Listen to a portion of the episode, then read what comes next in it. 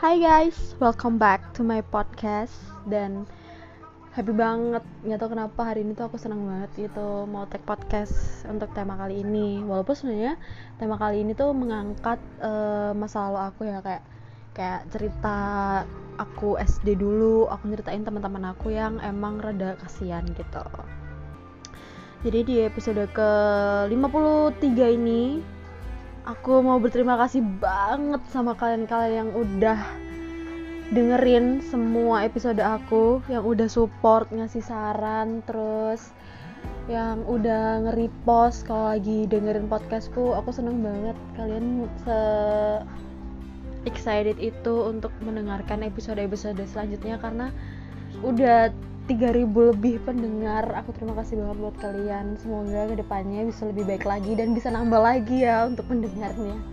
Thank you pokoknya buat semua. Kalian semua hebat banget. Oke langsung ke topik ya. Jadi topik kali ini tuh aku bakalan ngomongin tentang teman-teman SD aku yang agak kurang beruntung. Jadi dulu itu aku sekolah di SD deket rumahku. Deket banget cuma sama rumahku. Jadi aku tuh kalau misalkan mau sekolah tuh cuman jalan kaki 5 menit udah sampai karena sedekat itu kayak di belakang rumahku gitu. Dan di sana tuh banyak banget murid murid-murid yang dari luar daerahku. Soalnya kan uh, si SD ku ini favorit banget sedaerahku. Jadi di luar-luar daerahku tuh semua pada ke SD ku karena di situ favorit banget dan emang kayak fasilitasnya juga oke okay, terus guru-gurunya dan lain-lain dan terakreditasi A dan uh, kayak lulusan-lulusannya itu terbaik gitu loh. Jadi makanya banyak direbutin dan banyak juga yang kayak ketolak-ketolak gitu masuk SD ku karena sepenuh itu banyak banget yang daftar gitu kan. Nah dulu aku waktu kelas 3 SD aku tuh punya temen namanya tuh Rani dia tuh cewek dan aku kasih tahu kalian uh, kayak uh, apa fisiknya ya. Dia tuh rada gendut terus rambutnya tuh keriting keriting ke bawah bukan yang keriting kayak ngembang gitu enggak kayak keriting ke bawah gitu. Tapi rambutnya tuh kayak warna-warna coklat-coklat sedikit pirang gitu loh. Bukan bukan coklat bule ya kayak coklat sedikit pirang lo tau gak sih? Kayak rambut yang sering banget kena sinar matahari yang udah rambut-rambut rusak kebakar gitu. Nah rambutnya itu kayak gitu. Dan dia di kelas itu nakal banget nakal parah. Jadi sampai cowok-cowok itu pada takut sama dia karena saking nakalnya nih anak gitu. Bandel banget suka ngelawan terus suka uh, nyakitin temen. Nyakitin dalam berarti kayak minjem bolpen dong. Terus kalau misalkan nggak boleh dipukul. Biasanya tuh dia tuh sering mukul apa tuh? Lengan kan tuh sakit banget kan lengan suka dipukul. Kalau nggak di apa cubit gitu. Kalau nggak dijampak ditarik rambutnya dari belakang dia tuh benar-benar senakal itu. Tapi uh, untuk mukanya sih dia ya lumayan cantik lah ya. Tapi bukan yang cantik banget gitu enggak. Dia lebih ke tomboy gitu. Karena ya emang perawakan dia itu kayak uh, ini kayak preman-preman kelas gitu loh. Cuman bedanya dia ini cewek jadi agak berani gitu. Apalagi kan badannya kan agak gendut jadi kayak sangat-sangat menakutkan untuk uh, anak-anak cupu sepertiku dan seperti yang lainnya gitu. Nah kenapa aku bisa deket sama si Rani ini?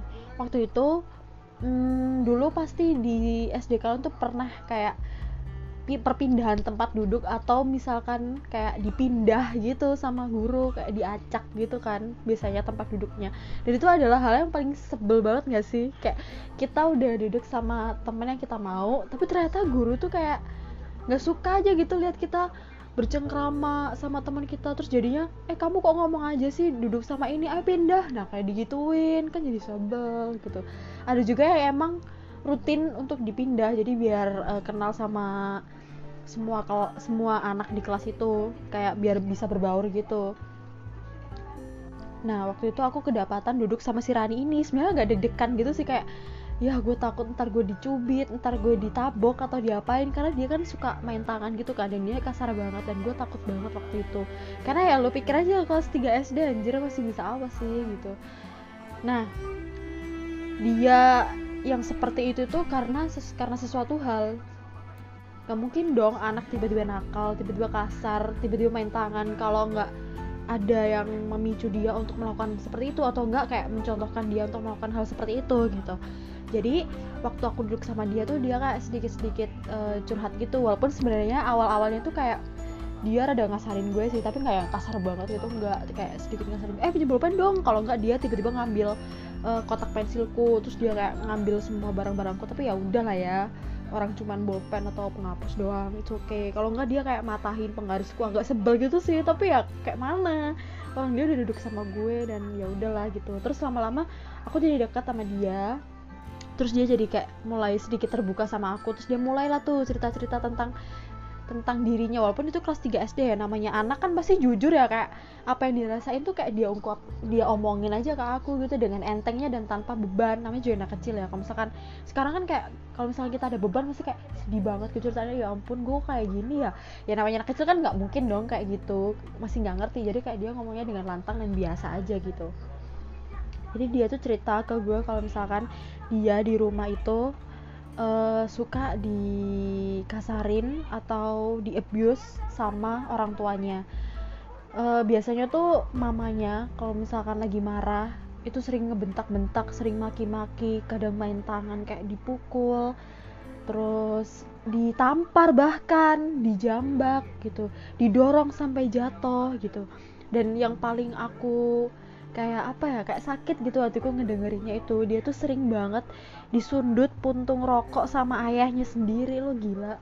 Lu pikir deh kayak bapak lu sendiri tuh nyulutin uh, puntung rokoknya tuh ke jari-jari lo ke kulit lo gitu ya. Kebakar lah.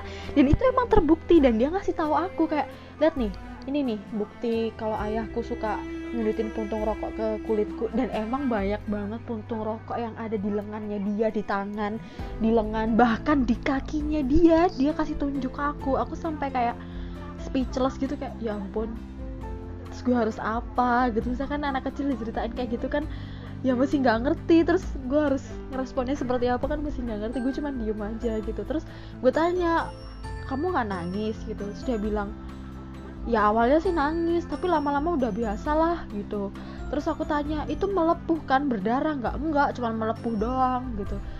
Dan dia dengan entengnya ngomong kayak gitu seakan-akan dia tuh udah terbiasa udah keseringan di abuse kayak gitu. Gue sampai nggak bisa berkata apa-apa anjir. Dan sampai sekarang kalau gue inget tuh kayak itu ngeri banget. Lo bayangin deh kayak tiba-tiba bapak lo nyundutin rokok ke tangan lu tuh masih sakit banget dan kaget kan.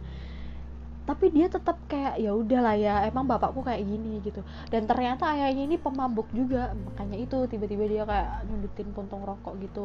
Terus kalau mamanya tuh emang kayak ada konflik gitu loh sama bapaknya kayak uh, apa ya sering berantem gitu. Jadi si Rani ini kayak tertekan gitu terus jadi bulan-bulanan orang tuanya kayak dipukul dijambak dan lain-lain gitu sedih sih dengerin ceritanya.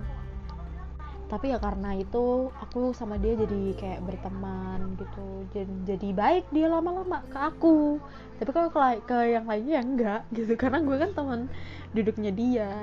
Dan emang sih ya kayak sifat seseorang itu tergantung didikan dari orang tuanya uh, walaupun nggak 100% ya kayak 30% pasti dari didikan orang tuanya gitu.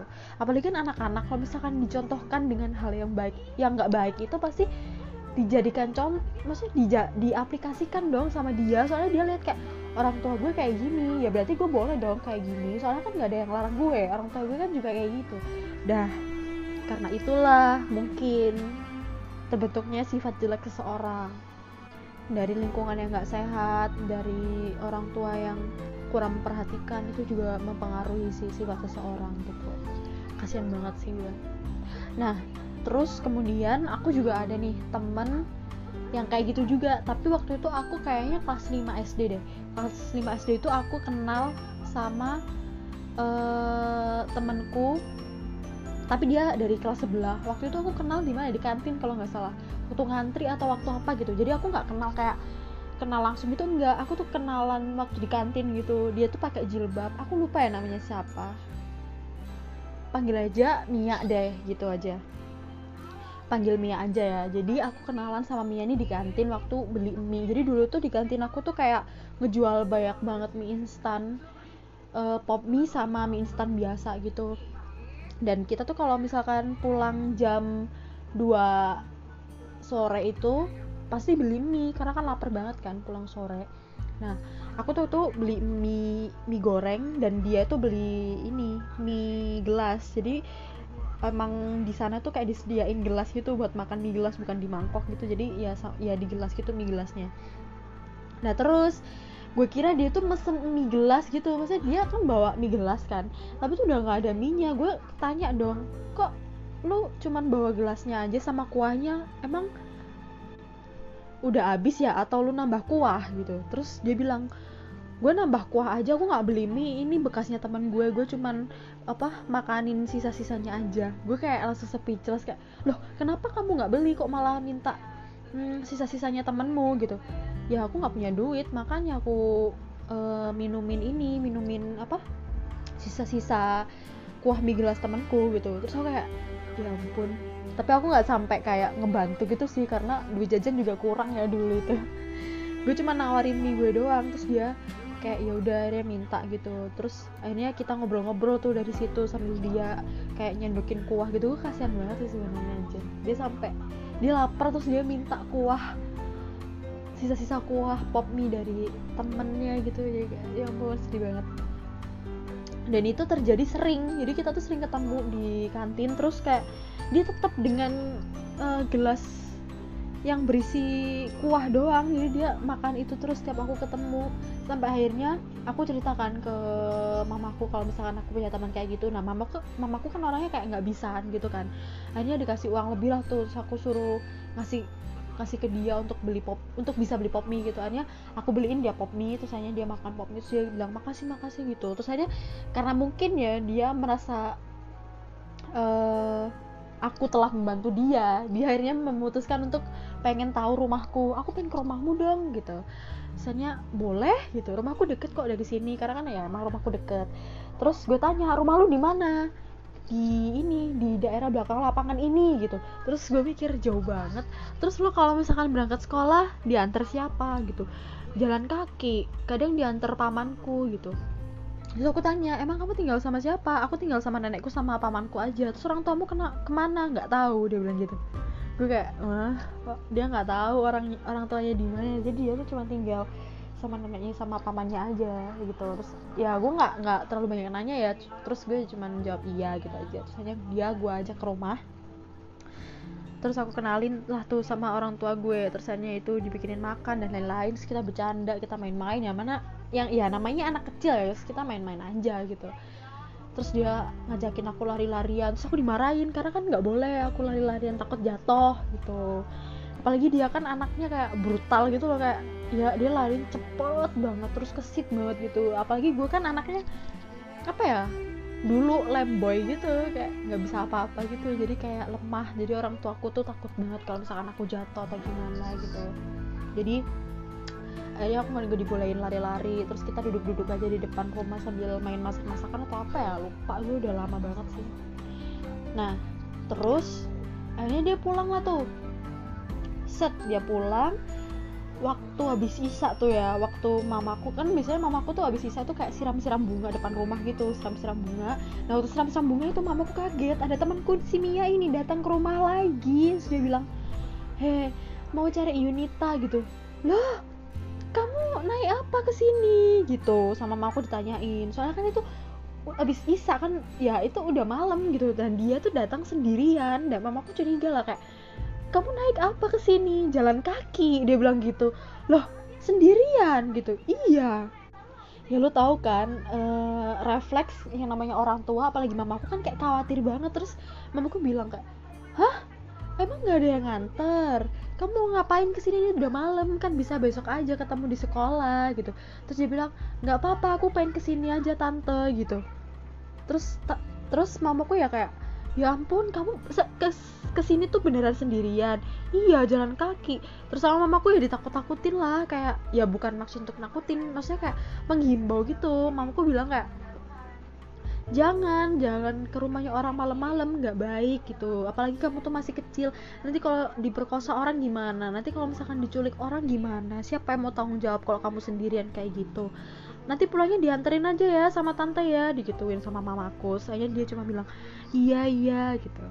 Nah akhirnya aku temuin lah tuh dia. Dia tuh dia tuh kayak aku sama dia awkward banget ya kayak udah malam terus gue tuh udah males banget udah pengen tidur tapi dia malah datang gue kayak awkward banget gitu sama dia. Sempet diem dieman terus kayak ya udah kita ngobrol-ngobrol kecil gitu. Terus gue sambil liatin outfitnya ya sorry to say ya maksudnya kayak bukan berarti gue ngehina atau apa tapi kayak baju yang dia pakai tuh kayak udah nggak layak gitu loh dari jilbabnya. Jilbabnya udah sangat-sangat lusuh banget bajunya terus uh, celana eh dia pakai rok rok panjang gitu ya. Tapi kayak udah dreaded tau dreaded gak sih? Kayak udah keluar benang-benangnya gitu loh. Dan dia pakai sendal dan aku ngelihat kakinya kayak bersisik gitu. Terus kulit kulit tangannya juga bersisik. Tau bersisik yang ada putih-putihnya gitu gak sih? Kayak kulit yang kering terus pecah-pecah. Jadi sampai keluar putih-putihnya gitu tau gak sih? Ya itu bersisik kayak gitu gue sampai geli banget ngelihatnya bener-bener kayak hah kok dia kulitnya gitu ya? Apa dia kena ini?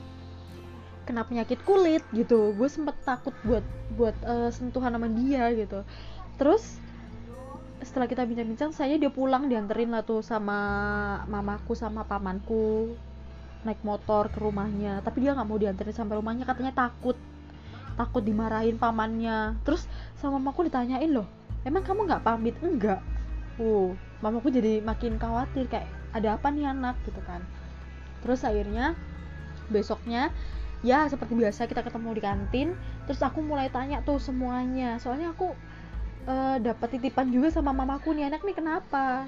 Terus aku juga jadi nggak boleh deket-deket sama dia karena nih anak tuh mencurigakan gitu. Makanya aku disuruh tanya dulu ke dia kenapa dia sampai kayak gitu gitu kan. Saya aku tanya lah tuh emang emang kenapa kamu nggak pamit? gitu. Aku bisa dipukulin sama omku gitu.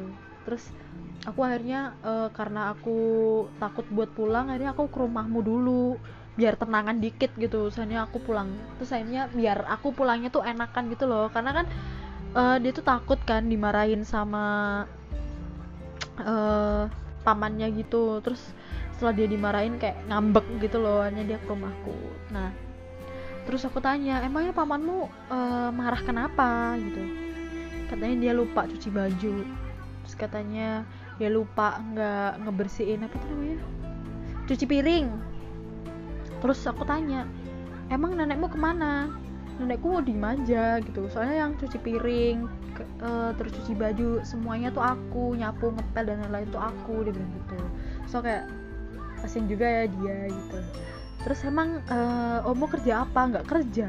Uh nggak kerja loh omnya terus kenapa omnya juga nggak ngebantuin gitu loh buat cuci piring dan lain-lain? Ya nggak tahu ya namanya juga cowok kan pasti males gitu. Terus uh, terus dia juga cerita kalau dia tuh kurang diurusin gitu. Mulai dari makannya terus dari uh, sangu uh, apa namanya? Bukan sangu ya apa sih bahasanya uang saku sekolah gitu. Kadang dikasih kadang enggak. Soalnya biasanya yang ngasih tuh neneknya dan neneknya kan nggak selalu punya duit gitu. Dan gue juga nggak tahu sih mereka dapat duit dari mana. Entah neneknya atau pamannya gue nggak tahu sih nggak nanya juga. Pokoknya dia bilang kalau misalkan dia tuh dikasih sakunya tuh jarang. Kadang dikasih kadang enggak gitu. Terus gue tanya kalau lo lapar gimana? Ya minta temen ya itu minta kuah itu gue kayak sedih banget sih. Terus dari mulai baju-bajunya dia dan lain-lain itu juga nggak terlalu diurusin. Apalagi kan neneknya udah tua jadi kayak ya udah gitu yang penting dia bisa sekolah aja. Nah mulai dari situ aku kayak kalau misalkan ketemu dia aku kasih mie ku ke dia jadi kayak kita uh, makan berdua gitu aku bagi dua mie nya karena kasihan banget aku lihat dia karena dia aku takut dia kayak ntar pingsan nggak makan dan lain-lain gitu.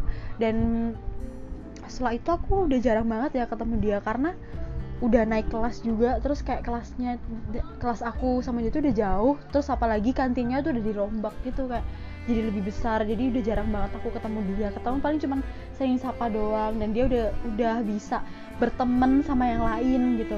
Soalnya waktu itu aku selalu lihat dia tuh sendirian terus dan untungnya waktu udah naik kelas tuh dia udah punya temen jadi dia udah mulai kayak happy gitu yang dulunya dia diem aja sambil bawa uh, gelas yang isinya kuah sendirian sampai aku samperin. Terus akhirnya dia sekarang udah punya teman udah bisa ketawa ke TV ya aku bersyukur banget sih kalau dia udah bisa bahagia gitu. Dan udah bisa kayak sedikit terkurangi beban hidupnya gitu. Dan aku sangat-sangat apa ya sedih banget sih. Anak sekecil itu maksudnya anak yang harusnya normal diberi kasih sayang orang tua itu malah dibiarin aja. Bahkan dia nggak tahu orang tuanya tuh di mana. Kenapa setega itu orang tua sama anaknya sendiri? Ya kita nggak tahu ya namanya manusia pasti gudangnya kesalahan gudangnya dosa. Tapi apa yang nggak punya sedikit hati nurani gitu itu tuh darah daging kita sendiri. Tapi kenapa kita tega banget ninggalin ya? Walaupun gue nggak tahu ya alasannya kenapa orang tuanya ninggalin dia. Tapi yang namanya orang tua itu pasti harusnya punya naluri gitu loh wah anak gue ntar gimana ya? Wah anak gue sekarang udah umur berapa? gitu. Dan itu bener-bener nggak apa ya nggak terjadi sama temen aku ini. Jadi bener-bener dibiarin aja sama neneknya dan lain-lain. Dan kalau misalkan aku bisa bayangin kalau misalkan neneknya udah meninggal terus dia sama omnya yang kayak begitu aku takut sih kalau dia dijual sama omnya. Bener-bener aku takut banget karena ya itu omnya kan pengangguran dan itu bisa aja terjadi. Kalau bener-bener udah nggak ada duit dan lain-lain apalagi kalau misalkan omnya terlilit utang wah takut banget sih langsung kayak nggak bisa mikir kalau misalkan dia dijual kayak mana ntar. Dan ternyata kulit bersisiknya itu bukan uh, penyakit kulit atau apa ya itu emang karena kulitnya kering banget kurang termoisturizing dan kurang apa ya kayak kurang terkena air itu kayak nggak pernah mandi atau apa ya? Atau dia nggak punya sabun gitu nggak tahu sih. Dan kayak nggak pernah pakai lotion dan sering banget kena sinar matahari jadi kulitnya kering sampai pecah-pecah sampai keluar kayak sisik putih-putihnya gitu. Bener-bener serem banget sih kalau misalkan kalian bisa lihat bah. Ya itu cerita yang bisa aku ceritain ke kalian tentang teman-teman SD aku dulu yang sangat-sangat disayangkan juga anak sekecil itu udah uh, menjalani kehidupannya sangat-sangat sulit karena orang tuanya juga sangat disayangkan banget karena lingkungannya tuh kurang baik dan kurang bisa mendidik dia. Walaupun sebenarnya anak itu bisa mempunyai karakter baik 190 derajat dari orang tuanya tapi yang namanya lingkungan tuh pasti sangat mempengaruhi banget seseorang untuk bisa jadi jahat atau jadi psikopat.